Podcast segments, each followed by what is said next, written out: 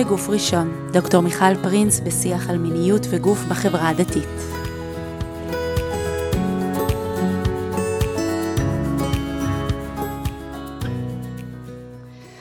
ברוכות וברוכים הבאים לפרק נוסף של הפודקאסט בגוף ראשון.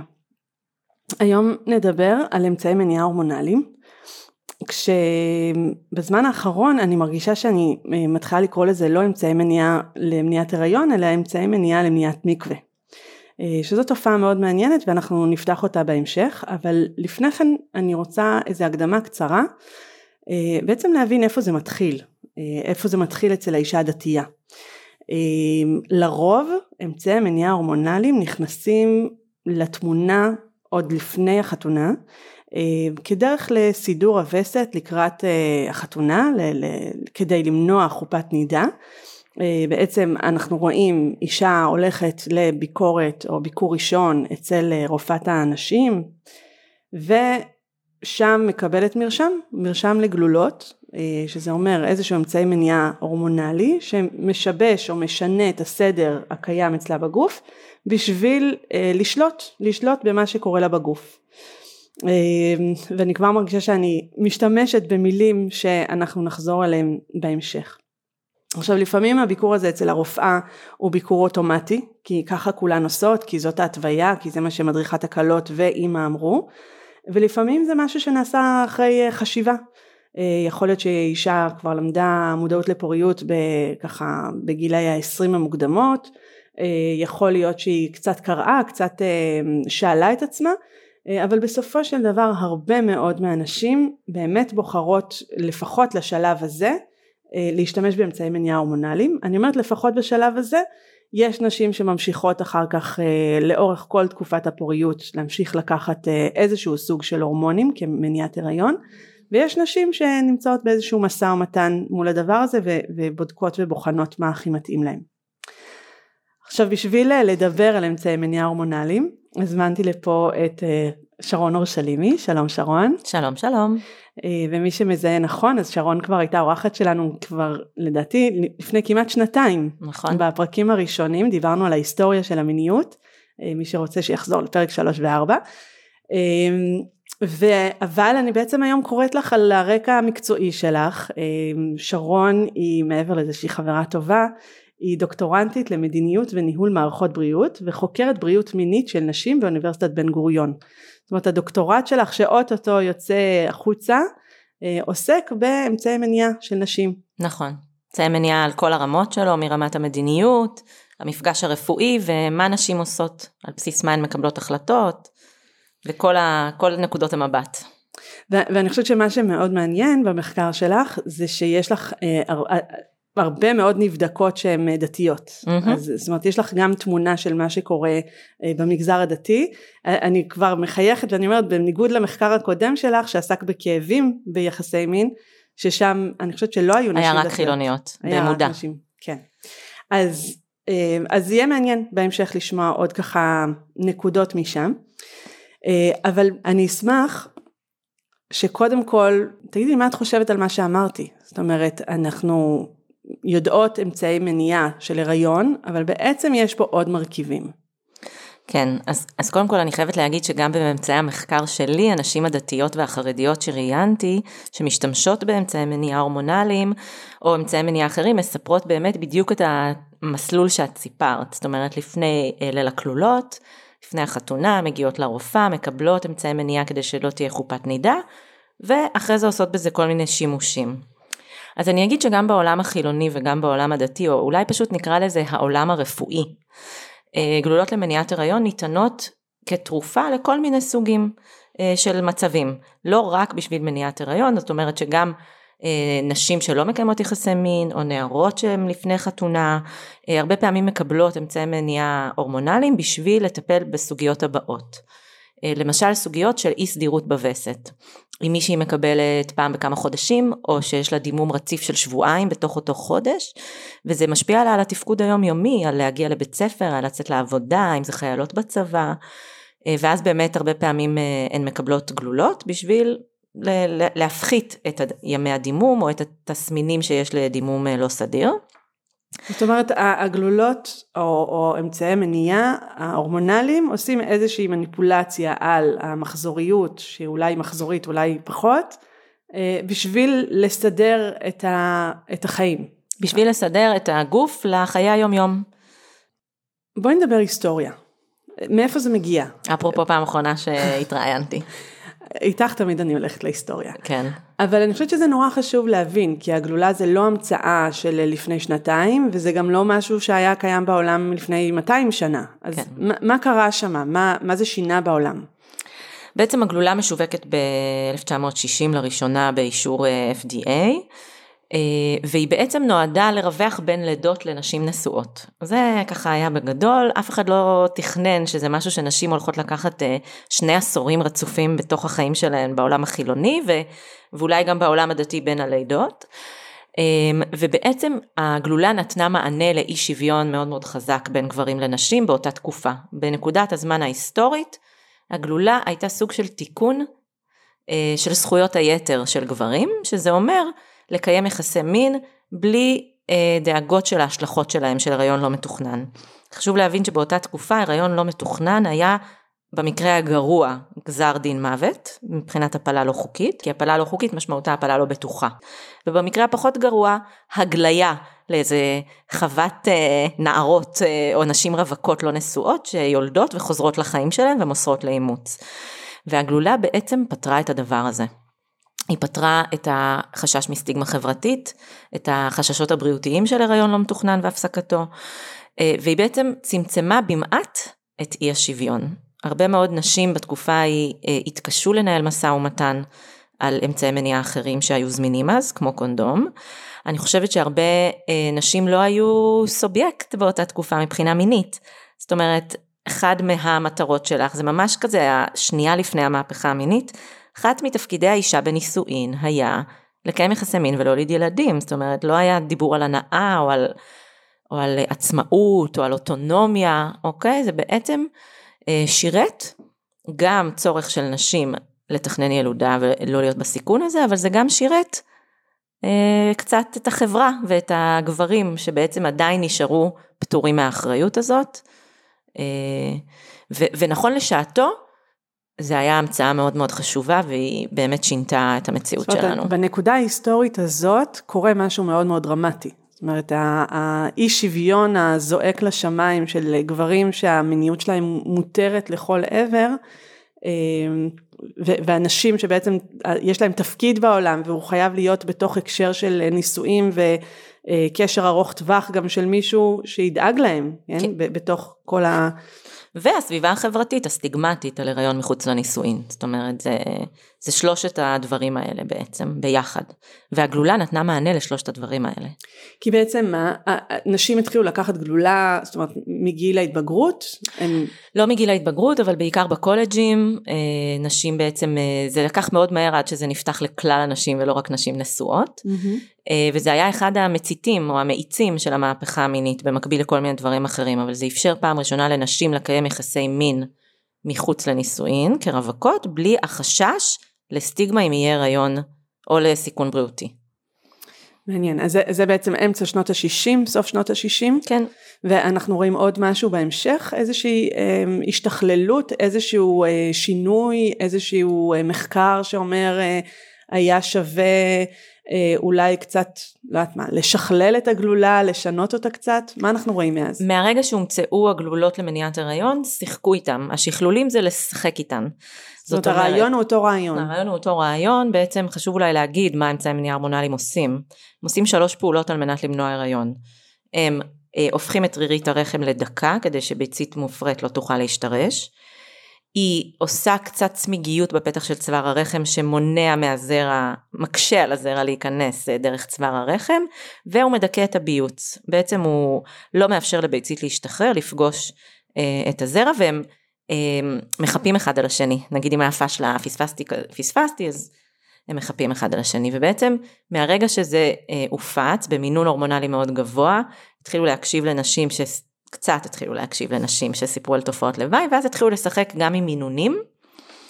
גם עם סוגי ההורמונים אה, המסונתזים שיש בתוך הגלולות וגם באופן הנטילה. Mm-hmm. אז בעצם אנחנו רואות את הטבעת למניעת הריון, את הזריקה למניעת הריון, את המדבקה למניעת הריון, אבל הרעיון הוא אותו רעיון, זאת אומרת, אה, פקודה על הגוף אה, שמשחררת מינון הורמונלי מהתרופה, שמכתיבה את, ה, את המחזוריות לכאורה בגוף, וככה מונעת הריון. למה את אומרת לכאורה? המחזוריות לכאורה? Uh, כי בעצם הרבה פעמים כשאנחנו שומעות מצוותים רפואיים uh, שהגלולות מסדירות את המחזור, אני תמיד מתקנת שהגלולות מנטרלות את המחזור, כי בעצם הגלולה וש, וכדומותיה, הן בעצם הופכות להיות הפרשה הורמונלית בעצם, הן מתערבות במערכת האנדוקרינית ונותנות פקודה כמה הורמון לשחרר באיזה יום על מנת למנוע הריון, וזה לא מה שקורה בגוף ללא גלולות, שיש בו תנודתיות ופקודות אחרות, וזאת מערכת שלמה, זה בעצם מערכת שלמה של הבלוטות האנדוקרינולוגיות, והגלולות הן בעצם תרופה שסליחה על המילה, משבשת את המערכת האנדוקרינית. היא משבשת לא את כל המערכת, סליחה, היא משבשת את, ה, את הפרוגסטרון והאסטרוגן, על מנת למנוע הריון. זאת אומרת, נשים בריאות, שמקבלות תרופה שהן לוקחות כל יום, והן לא חולות, והתרופה לא רק, היא לא באה לרפא, היא באה לנטרל, לשבש, לחסום, לתת פקודה אחרת. עכשיו מסקרן אותי, למה את מתנצלת? למה את אומרת סליחה על המילה הזאת משבשת? זה ידע חשוב. זה ידע חשוב, הרבה פעמים החברה נוטה לשייך אותו לעולמות של ניו אייג' ורוחניקיות וחיבור לטבע. אני חושבת שיש מגמה כזאת אגב של חזרה לטבע בכל מיני היבטים בחיים של נשים ולא רק בהיבט הזה. ואני חושבת שיש הרבה מאוד נשים ובטח ובטח הממסד הרפואי שלא מתחברים אה, לדבר הזה. אה, כן, ונש... כי אם לכאורה זה מפריע ואם לכאורה אנחנו יכולים, אני אומרת רגע במרכאות, להבטיח אה, חיים טובים יותר לאישה, כי היא תוכל לתפקד יותר טוב, כי זה לא יפריע לה, כי היא תדע לשלוט בזה ולצפות מתי זה יגיע ואיך היא מארגנת את החיים שלה, או שהיא תוכל להימנע מללכת למקווה או לתכנן את החופשה המשפחתית. אז, אז לכאורה זה הדבר הטוב. וכאן מגיע באמת הרבה מהדיון על אה, הגלולה כתרופת איכות חיים. בעצם, האם הווסת שלנו או המחזוריות שלנו פוגמת באיכות החיים שלנו שצריך לתקן אותה. עכשיו יש נשים שכן, יש נשים שזה אכן פוגם באיכות החיים שלהן, כמו נשים עם אנדומטריוזיס, כמו נשים שהשינויים ההורמונליים הטבעיים אה, משפיעים על מצבי רוח או על אה, תסמונת קדם ויסטית. לאחרונה שמעתי על נשים שללא הגלולות חוו מיגרנות מאוד קשות לפני וסת והגלולות פתרו את זה שזה מעניין כי כשיש לך מיגרנות פחות נותנים גלולות, אבל זה רק מראה כמה זה אישי. אמ, אז זה ברור לי שזה תרופת איכות חיים בשביל הרבה מאוד נשים, אבל כשאני מנסה לחשוב על תרופות אחרות דומות, אין. אין תרופות. תרופות מטרתם להבריא חולי. זאת לא תרופה. או, ש... או לשמר מצב קיים. או לשמר מצב קיים, ואני מנסה לחשוב אם יש עוד תרופות כאלה, ולא עולות לי בראש כן. אה, תרופות כאלה. כן, והשאלה גם המתבקשת, ואנחנו יכולות להגיד את זה בחצי חיוך, זאת אומרת שאין גם מקבילה גברית לדבר הזה. זאת אומרת, אין, אין נטילת אחריות אה, ברמה הזאת של פולשנות לגוף, ב, כשמדברים על אמצעי מניעה שנמצאים אצל גברים. נכון, וגם הטיעונים בעצם אה, שמסבירים למה אין את זה, הם טיעונים שבעצם, בעצם המדע, הרפואה והפרמקולוגיה, ו- וחברות הטכנולוגיה היום כבר אפשר לדבר, מאמצים את ראיית העולם שאחריות המניעת הריון היא על נשים, ובגופן של נשים, ו- וככה זה, זה תפקידי המגדר בקשר הזוגי ולכן לא מפתחים עבור גברים, הם לא חושבים לפתח, ואז כשהם כבר מפתחים הם רואים למשל אם זה על בסיס תרופתי, הם רואים את תופעות הלוואי, שאגב מאוד דומות לתופעות הלוואי שנשים חוות עם הגלולות, והרפואה והפרמקולוגיה לא ששות להתקדם עם זה, אחרי שהן כן. שומעות את תופעות הלוואי, זאת אומרת, החברות פיתוח עושות תעדוף, איזה מחירים אנחנו מוכנים לשלם ואיזה מחירים אנחנו לא אנחנו מוכנים לשלם. אנחנו כעולם. כעולם, כן, כחברות. ו- ואז זה נורא מעניין, כי כשאני באה מהצד הזה של השולחן כמייצגת אה, מגזר שומר הלכה, אז בעצם האופציה של אמצעי מניעה על גופו של הגבר, זאת, זאת לא אופציה, או אופציה במקרים מאוד מאוד ספציפיים, ולכן הלך הרוח הוא בכלל לא מחפש את הדבר הזה, אבל זה... כמו בהרבה נושאים שכבר דנו עליהם פה בפודקאסט, זה נפגש שוב פעם, זאת אומרת בסוף זאת אותה התנהגות, אותה, אותו תהליך חברתי, כל פעם עם טיעון שהוא, או טיעון או, או התוויה או ציווי שהוא אחר. ההלכה והרפואה חברות בהקשר הזה, כאילו, כי הן שתיהן גם בתפיסה שזה צריך אה, להיות באחריות נשים ובגוף האישה. אמ, עכשיו אני גם חייבת אבל רגע לסייג את עצמי ולהגיד, בסוף כשאני מסתכלת על יעילות מה נשים הכי רוצות באמצעי מניעה שלהן, יעילות נמצא מאוד גבוה שם, ולצערי הרב מאוד, אלה האמצעי מניעה הכי יעילים. זאת אומרת, האחז... בשימוש נכון. בשימוש נכון. האכזבה מהרפואה והמערכת וזה, זה שהם לא פיתחו משהו שהוא לא הורמונלי, עם יעילות מספיק גבוהה. זה כן. קפא על השמרים. אז, אז, אז אני ממשיכה אותך ואני אומרת, זה לא שעכשיו מישהי מקשיבה לנו והיא מחכה עד סוף הפרק להגיד, אה, אוקיי, אבל מה אתן מציעות? אל תחכו, או שתסגרו עכשיו, או שתחכו איתנו לשמוע עוד דברים שיש. אבל, אבל בעצם זה לא שאנחנו באות לפה בשיח של, אה, לא שמעתם, לא ידעתם שיש את האמצעי הזה והזה, אה, בהחלט, בהחלט, זה, זה אחד הדיונים הכואבים. בעצם נשים אומרות, אוקיי, אני מסתכלת ימינה שמאלה בשיקולים שיש לי סביב אמצעי מניעה, ואני לא מוצאת משהו שהוא באמת עונה לי על צרכים מסוימים. אה, וזה חשוב לומר את זה, וחשוב גם, ש... טוב שהעלית את זה עכשיו, אה, חשוב לומר את זה, וזה כואב ומתסכל, ויכול להיות שמישהי תגיד, זאת הסיבה שאני כן אמשיך לשלם את המחירים, ונדבר על זה עוד מעט, אה, על, על זה שאני כן במניעה הורמונלית. אני כן אגיד שלפרק הזה נצרף אה, רשימה, אני מאוד אוהבת לשלוח לרשימה של אה, עינת לב, אה, שממש מפורטים שם כל אמצעי מניעה. אני מרגישה שמה שאנחנו עושות פה זה רגע לדבר את זה, זאת אומרת, גם אם את מחליטה שגלולות או אמצעי מניעה הורמונליים זה הדבר הכי נכון בשבילך, ת, תביני, תכירי, תכירי, תכירי את, את המדע שקשור לזה וגם תכירי את הגוף שלך בהקשר הזה. ואחד הדברים שאני אומרת, ויכול להיות שזה גם נאמר בפרק 5, שבחירה באמצעי מניעה היא תמיד בחירה בין פשרות. אנחנו רוצות להעלות את השאלה עבור קהל השומעות והשומעים, על מה אני מוכנה להתפשר ועל מה אני לא מוכנה להתפשר, ועל פי זה לבחור. ואם אני לא מוכנה להתפשר על יעילות, אין שום בעיה, אז משתמשות באמצעי מניעה הורמונליים והכל בסדר. אנחנו רוצות לבטל את האוטומט. אנחנו רוצים את נכון. התסריט. וזה, וזה הדבר שהכי משגע אותי כרגע, וממש בגללו באתי לפרק הזה.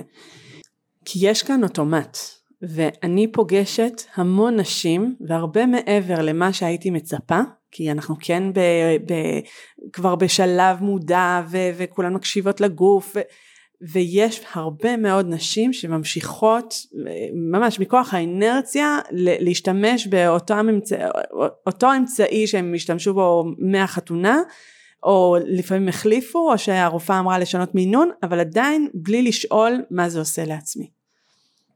מה זה עושה לעצמי והאם זאת הייתה בחירה באמת אה, חופשית וגם אישית וגם זוגית. נכון, נכון.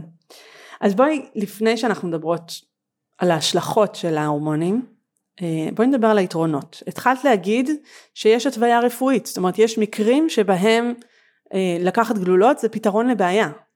נכון, אה, ואז, ואז באמת זה, זה, זה מתפקד כתרופה שמתקנת בעיה.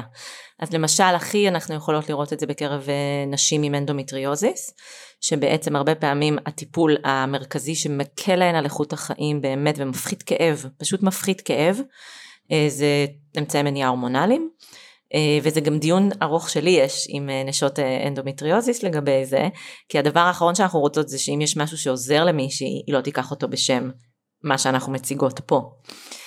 אז לאנדומטריוזיס למשל, הזכרתי מקודם תנודות, תנודות במצבי רוח, מה שנקרא PMDD במקרה הקיצון ו-PMS במקרה הפחות קיצון, שזה קשור לתנודות במצבי רוח וירידה במצבי רוח בגלל השינוי ההורמונלי החודשי. יש נשים שהמחזוריות ממש משבשת אותן על דעתן, ואז הייצוב שהגלולות נותנות מאוד מאוד עוזר. ויש גם דברים שאני קצת ככה שואלת עליהן שאלות, שזה כל מה שקשור לאסתטיקה. אה, שזה הפצעונים, שזה מה שהרפואה תגדיר סיעור יתר, אני תמיד שואלת בהשוואה למה? יתר ממה? ממה? כאילו מי קבע את המינון הנכון של השיער? עכשיו אני לא אומרת שאין מקרי קיצון, שנגיד יש אה, נקבה ביולוגית שהיא אישה ויש לה אה, זקן, אוקיי? והיא לא טרנסית או משהו כזה.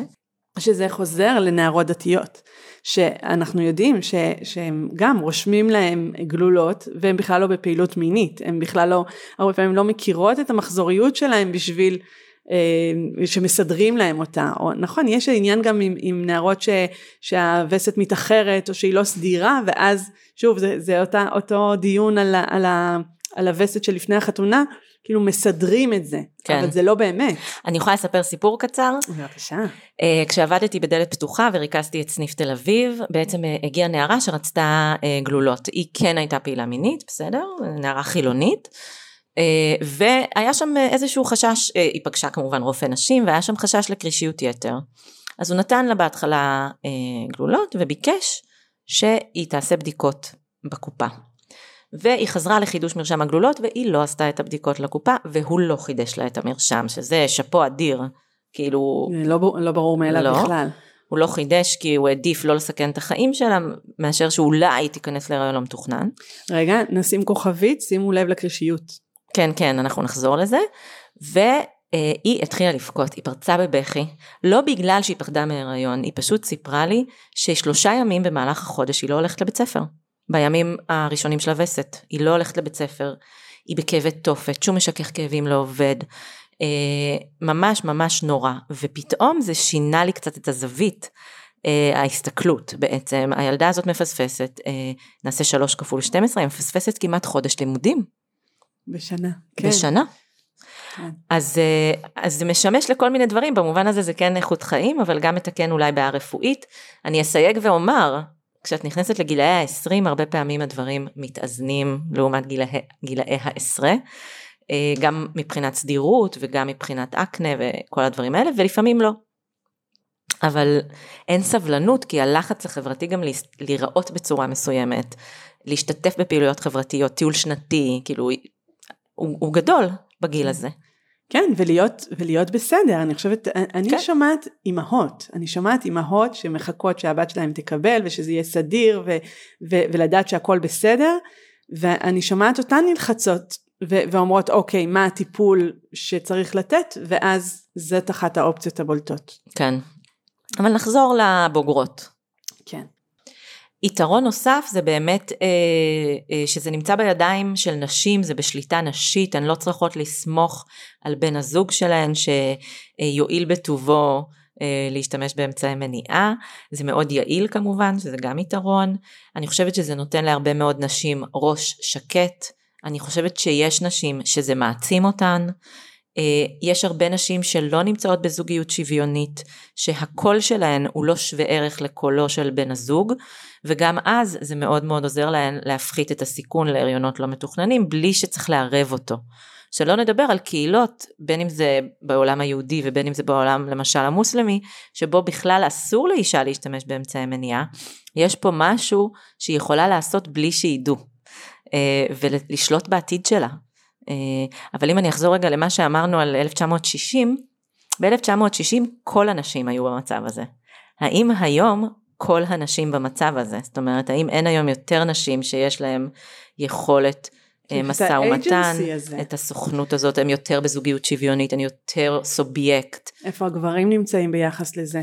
אה, אבל אני חושבת שזה גם יקרב אותנו לדיון על החסרונות, זאת אומרת איפה החיסרון מול זה שכבר יש לנו כלים או יש לנו כוח או, או יש בתוך הזוגיות את, ה, את הרצון להיות גם במקומות אחרים.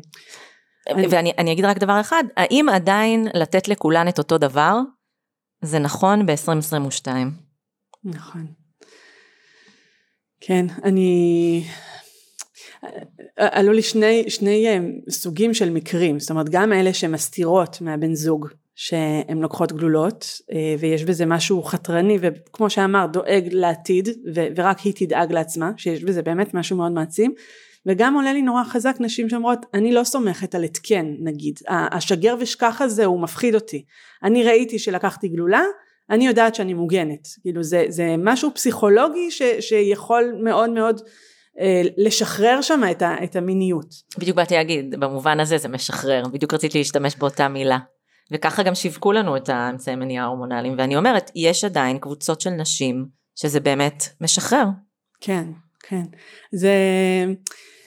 זה חוזר כל הזמן לשיחה הזאת של, של לא להגיד הכל טוב או הכל רע.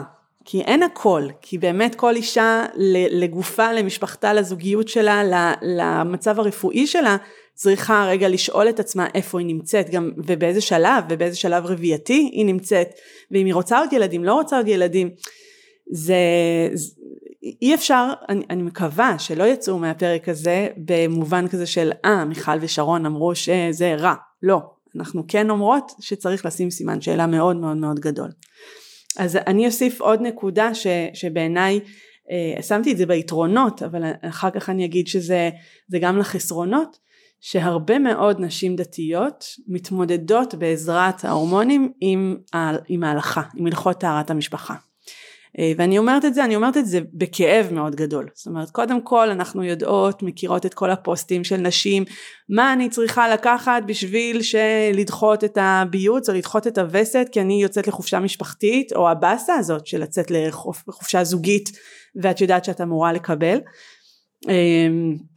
כל העניין הזה של נשים ששונאות את המקווה, שונאות, וזה מגביר בהם לחץ, או, או מעלה דיכאון, והן רוצות להימנע בכל מחיר מהגעה למקום הזה, ו, או, או הריחוק מבן הזוג, או הבדיקות, כן, או, או ללכת לרב עם, עם שאלות וכתמים וכולי, ו, וזה פתרון. אה, כל העניין של, אה, של חיבור חפיסות, שזה אני שומעת המון המון המון נשים שאומרות אני אה, פשוט מחברת. ושאלתי את המדריכת קלות או הרופאה אמרה לי ואפשר שלושה חודשים ארבעה חודשים לא יודעת כמה לפעמים הן גם לא שואלות ופשוט מחברות עד שהן מגיעות לקצה גבול היכולת. ו- וזאת נקודה קריטית כי, כי טוב אליי מגיעים תהליכים שקשורים למיניות אבל את רואה שעם הזמן שעובר עם החפיסות זה, זה כאילו הן עולות קורה שם משהו לא, אני חייבת להגיד שאצל החילוניות אה, זה פחות קורה, זה יותר קורה סביב חופשה באילת, או באמת סביב אה, נשים שיש להן אנדומטריוזיס או, או שונאות את הדימום החודשי או משהו כזה. אה, שמה, שמשתמשות שמה, בעצם בהורמונים. מצמידות חפיסות אה, בעצם. אוקיי. כאילו... אבל, אבל, אבל את יודעת להגיד משהו שקורה שם? אני לא יודעת, אני רק יודעת לתאר את מה שאני רואה. תראי, אני... אחד הדברים שאני אומרת, מה זה משנה אם את מצמידה חפיסות? אם את לוקחת את זה בכל מקרה, גם ככה הכל מלאכותי. אז מה זה משנה להצמיד? כאילו גם עכשיו כמה חודשים, להגיד לך בריא לא בריא, לא מסמכותי להגיד את זה. אה, אני לא יודעת להגיד לך כן. מעבר לזה. אה, אז אני יכולה רק לתאר את ההיבטים שאני... הקליניים גם אני לא יודעת להגיד לך. כן. אה, אני, פשוט מה שאני רואה זה ש, שעולה איזשהו מתח, ש... ואנחנו מכירות את זה מהמחזוריות הרגילה, כן? שמשתחרר משהו ברגע שאישה מקבלת וסת. והוא עולה ועולה ועולה, זה לאו דווקא מתח זוגי, זאת אומרת זה לא, זה, זה כן, באמת כן, איזה משהו גופני שקורה, אמ, שהוא חתיכת דבר, ואני חושבת שלפעמים גם ההמלצה, בסדר, קשה לך עם המקווה, אז תיקחי הורמונים, זה לא עומד בכנראה, זה, זה לא מה ש... שוב, זה לא מה שיפתור את הבעיה. וגם הרבה פעמים כשהן מצמידות חפיסות, אז גם יש דימום אה, באיזשהו שלב בחפיסה השנייה או השלישית, כאילו זה לא מחזיק. כל כך כן, הרבה זמן. ואז מפסיקות, ואז... ואז הולכות למקווה. זה מצחיק, אנחנו מדברות על היתרונות ותוך כדי כבר מדברות על המחירים ועל החסרונות. אז... ש, שכן אבל חשוב לי להגיד שהיתרון הכי גדול, שוב אני מצטערת, זה יעילות. כאילו, חשוב לי להגיד את זה. כן, ושוב פעם את מצטערת, אני לא יודעת על מה. אז בואי נדבר, בואי נדבר מה המחירים. תראו, מהרגע שהגלולה שווקה, היו לה תופעות לוואי מתועדות בספרות, ומאוד מעניין לראות בסרט אה, The Business of Birth Control, סליחה על הפרסום שאני עושה פה. מההתחלה אנשים התלוננו על uh, תופעות לוואי וזכו להתעלמות מחברות התרופות ובהקשר האמריקאי גם מה-FDA וה-CDC ובעצם נכון שאנחנו מקבלות היום את הגלולות יש מין אלון כזה שיש בו מלא מלא תופעות לוואי זה בזכות אותן נשים בשנות ה-70 שדרשו לדבר באיזושהי ועידה פוליטית על כל הסיכונים שיש בגלולות ובעקבות זה זה נכנס לאלון. אה, אז תמיד היו תופעות לוואי וזה תועד. שוב, מי שזה משרת אותם בחרו להקטין את, התו... להקטין את המשמעות של זה, או להתעלם מהמשמעות של זה, או מהתלונות וגם האלה. וגם כל, אה, גם לאקמול יש אה, נכון. אלון, ואז את אומרת, טוב, אני לוקחת את הסיכון ולוקחת אקמול. נכון, רק שפה לא, לא בהתחלה, עם אקמול על ההתחלה היה אלון, פה לא היה, זה בדיוק הקטע, זה שווק מאוד בטוח. אה, אבל תופעות הלוואי שהספרות מכירה בהן ויודעת זה קודם כל הסוגיה של השפעה על מצב רוח. אצל נשים מועדות, זאת אומרת לא על כל אישה, נשים אולי עם נטייה יותר לדיכאון או מצבי רוח, אה, זה יכול להשפיע על מצבי רוח, גם תנודתיות וגם הורדה מאוד אה, גדולה של מצב רוח הטוב עד לכדי איזשהו דיכאון או אפילו סוג של נמנס, אה, אדישות כזו למתרחש סביבי. אני, אני ממש יכולה לראות את זה כשמדברים על ה... נדבר אחר כך על החשק המיני אבל ממש איזושהי שכבה כזאת שמקיפה את האישה שהיא פשוט כאילו היא חווה את העולם ב-70% שלו כאילו אפרופו כאילו חסר חיות משהו חסר שם משהו כאילו היא מסתובבת בעולם ויש איזה שכבת שומן כזאת, לא אמיתית, אבל כאילו ש, שמקיפה אותה וגורמת לה לראות את העולם קצת יותר דהוי אולי. כן, כן, וגם יש, יש לא, לא, ב, לא בכזה שמות אה, תואר, אבל אה, יש מחקר דני מאוד מאוד גדול מ-2016, שבעצם אה, דגם תיקים רפואיים של מאות אלפי נשים, לא מאות אלפי נשים, עשרות אלפי נשים סליחה, שראה איזשהו קשר בין התחלה של נטילת אמצעי מניעה הורמונליים ואחריו התחלה של או אה, נוגדי דיכאון וחרדה או אה, הגעה למרפאות בריאות הנפש. אה, אז הוא לא אמר אה, גורף, כולן, אבל הראו שיש איזשהו קשר, קשר, ושקבוצת הסיכון הכי גדולה היא סוף העשרה. ומה שמעניין במחקר הזה, אם אני זוכרת נכון, זה שהרבה פעמים התרופה הייתה נוגדי דיכאון, ולא להסתכל אחורה שאולי יש קשר לגלות. ולהוריד אותן ולנסות לבדוק איך נשים בלי אה, אמצעי מניעה הורמונליים. הרפואה עובדת על פי אה, מערכת שיקולים שהיא מאוד שונה ממה שאנחנו מביאות. אה, המערכת עובדת על עלות מול תועלת, אוקיי? המחיר שבל יעבור שהרפואה רוצה זה שלא יהיה הריונות לא מתוכננים.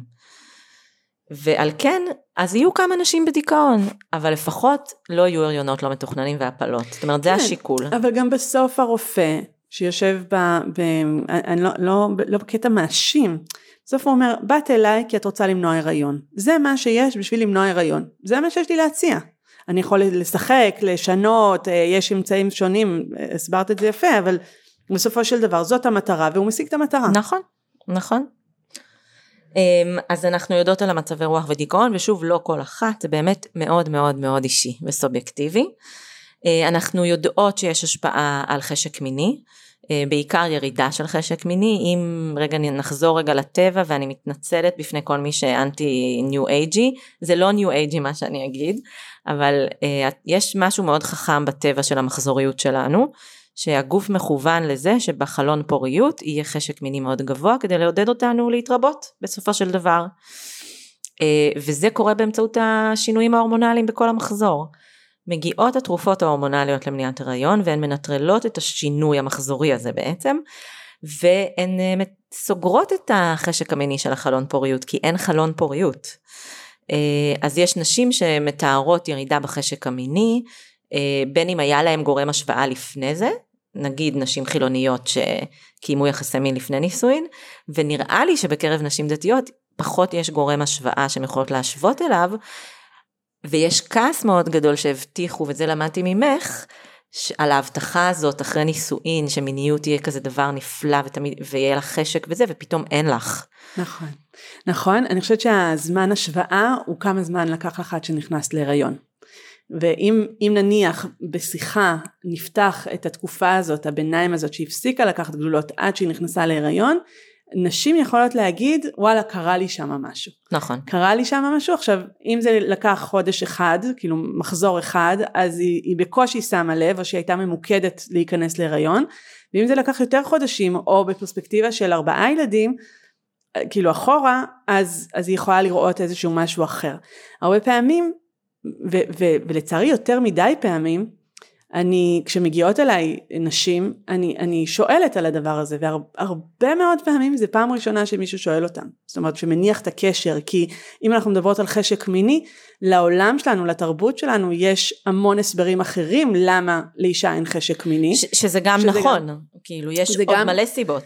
אז, אז אני אומרת משהו כזה, אני אומרת, נניח החשק המיני שלך הוא ב-30 אחוז, ואת רוצה להגיע ל-100%. יכול להיות שעם אמצעי מניעה תצליחי להגיע ל-70%, שזה אחלה, זה מעולה, כבר ניטרלת סיבות שהן אחרות. בלי אמצעי מניעה. לא, המשכת לקחת אה. גלולות, החלטת שזה הדבר שהוא הכי חשוב לך כרגע, נגיד היעילות, לא להיכנס אוקיי. להיריון. אז אני אומרת, יש לך עוד גורמים שיכולים לנטרל, אבל עדיין בין ה-70 ל-100, עדיין יש שם משהו שיכול להיות שעומד בדרכך, אבל את יכולה להחליט, או לחכות, ו- ואולי בשלב אחר בחיים את תגידי, אני מעדיפה עכשיו משהו אחר בשביל, אה, בשביל לנסות להכיר יותר טוב את, ה- את המערכת המינית הטבעית שלי. כן. ו- ואם אני אוסיף על זה כבר, זה ככה מביא אותנו לחיסרון השלישי, אפרופו חשק, יש הרבה נשים שהגלולות למניעת הריון ודוגמותיה אה, גם החמירו כאבים בנרתיק וגם יצרו כאבים בנרתיק, שזה נובע אחד מיובש נרתיקי, שתיים אולי מאיזה, בעיקר מיובש נרתיקי, אבל יכול להיות גם משהו שקשור לערירית של הנרתיק. אה, ושוב, אני לא רופאה אז אני לא אכנס לזה, ולמשל כשאישה עם כאבים פונה אליי, הדבר הראשון שאני שואלת אותה זה אם היא לוקחת משהו הורמונלי, ואם כן תורידי, ובואי נעשה השוואה. כאילו, ויש נשים שזה פשוט פותר להן את זה בדקה, יש נשים שזה מקל, מפחית את הכאבים. ממש לא לכל אחת זה יכאב, זאת אומרת, זה גם, יש מצבים קודמים שזה יושב על, עליהם. ברור. אמ, אבל זה משהו שהוא לגמרי חשוב לנטרל אותו כדי לראות אם הוא קשור. וגם שם, וזה, וזה משפיע גם על חשק. בוודאי, ו- ו- וגם שם לעולם שלנו יש, זאת אומרת במקום להסתכל אחורה ולהגיד רגע מה יכול היה לגרום לכאב, העולם עסוק בלפתור את הכאב ולשים משחה או לשים, לעשות ניתוח, כל מיני דברים כאלה, ולפעמים ההליכה אחורה יכולה לזהות איזשהו קשר. נכון, למרות שאני חייבת להגיד שמומחיות ל- ל- ל- לכאבים, כבר אה, דבר ראשון שהן עושות זה מורידות מהורמונלי. כאילו זה כבר... אה, אשרינו שזכינו. ידוע. בואי, איפה השיחה שלנו מלפני עשור לעומת מה שקורה היום. כן. אמ, אוקיי.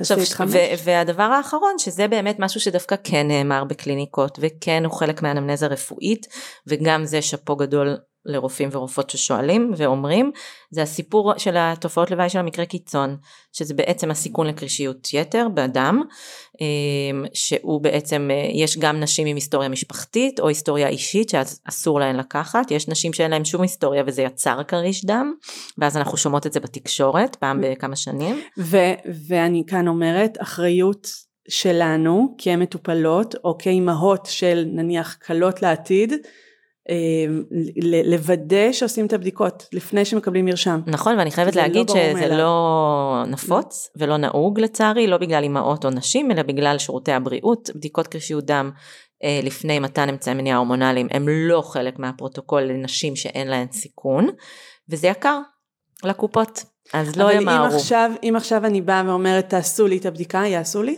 תלוי. תלוי. כן, כמה הקופה לוחצת על אותו רופא, לא לשלוח לבדיקות מיותרות, שזה איך שהקופות היום עובדות, זה, ולא באשמתן.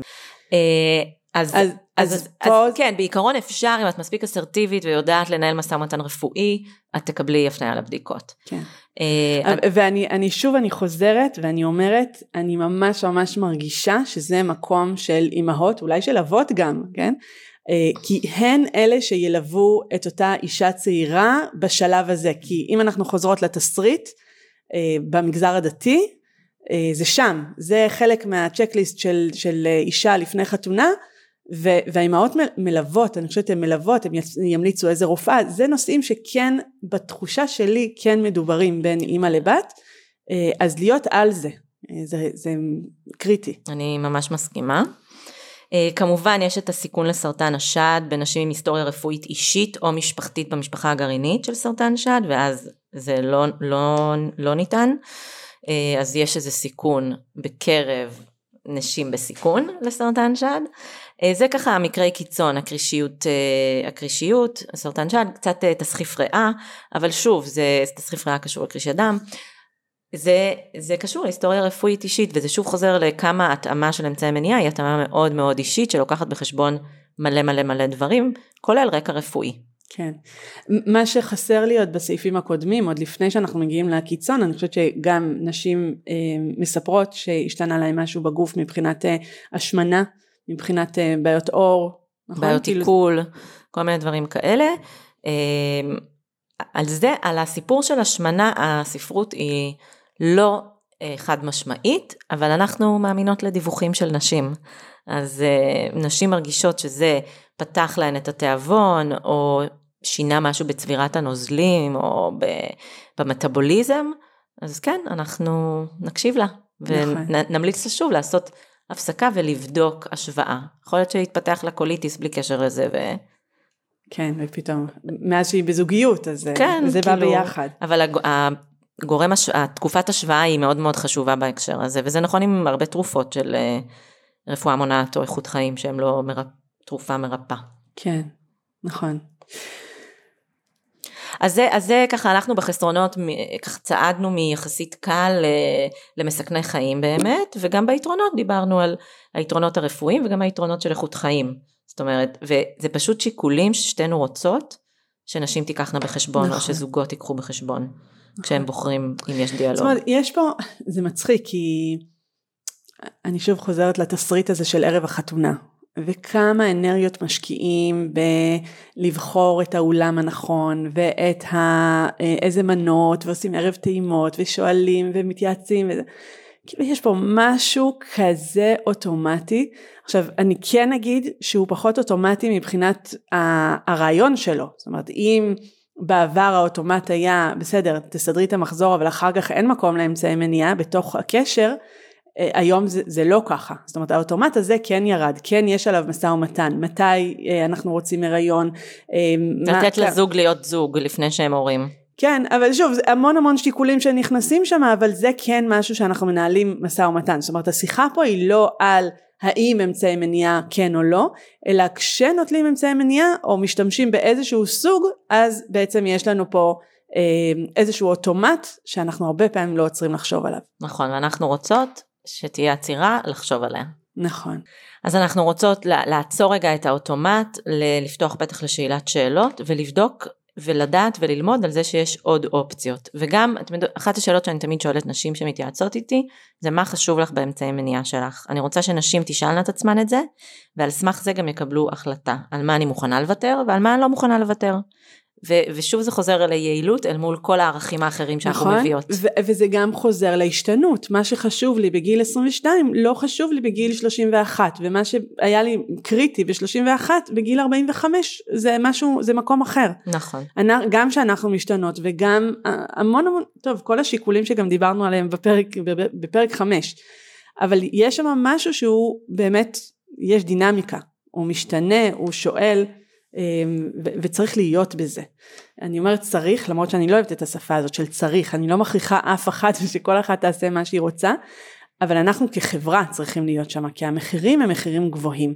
אני אגיד את זה מהצד הזה של המחיר הוא גבוה לזוגיות ולמיניות הזוגית וכשאישה מסתובבת בעולם בלי חשק ולא יודעת להסביר למה או שיש להם זיכרון עמום שהיו תקופות שכן היה חשק מאוד גבוה אבל הם לא יודעים לעשות את הקשר זה, זה חבל, זה, זה שלום בית במובן הכי בסיסי של, ה, של המושג הזה. אז אני חייבת להגיד אה, שזה מעניין מה שאת אמרת, כי אם אני אסתכל על החברה החילונית, המגמה הזאת של לשאול את השאלות, היא קורית בעשור אה, 30 עד 40.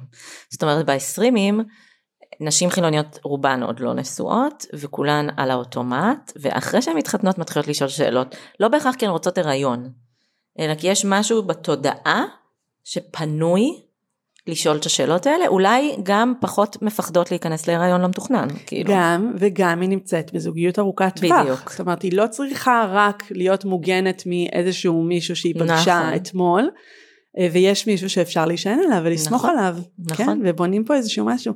מאוד מעניין, מאוד מאוד מעניין. אני חושבת שאם אנחנו לוקחים גילאים, את תראי את המקבילה הזאת גם בציבור הדתי. אני רואה את זה במחקר שלי. שמה? אה, גיל הוא המנבא הכי טוב לאיזה אמצעי מניעה את לוקחת, ואת ממש רואה שככל שהגיל עולה, אה, יש נטישה של אמצעי המניעה ההורמונליים. מדהים. אבל, זה שוב קשור, אחד, יכול להיות שזה גיל שכבר רוצים להיכנס להיריון, שתיים, את פחות מפחדת, או שאת בסוף גיל הפריון, כי אני בדקתי עד הגיל 49.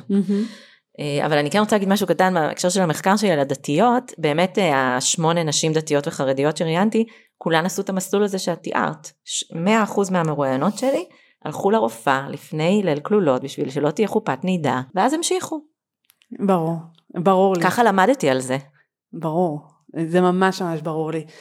אמ, כן, אין, אין לנו, שוב, אני חוזרת למה שאמרנו כן, כן. באמצע, אין, אין לנו פה איזושהי בשורה.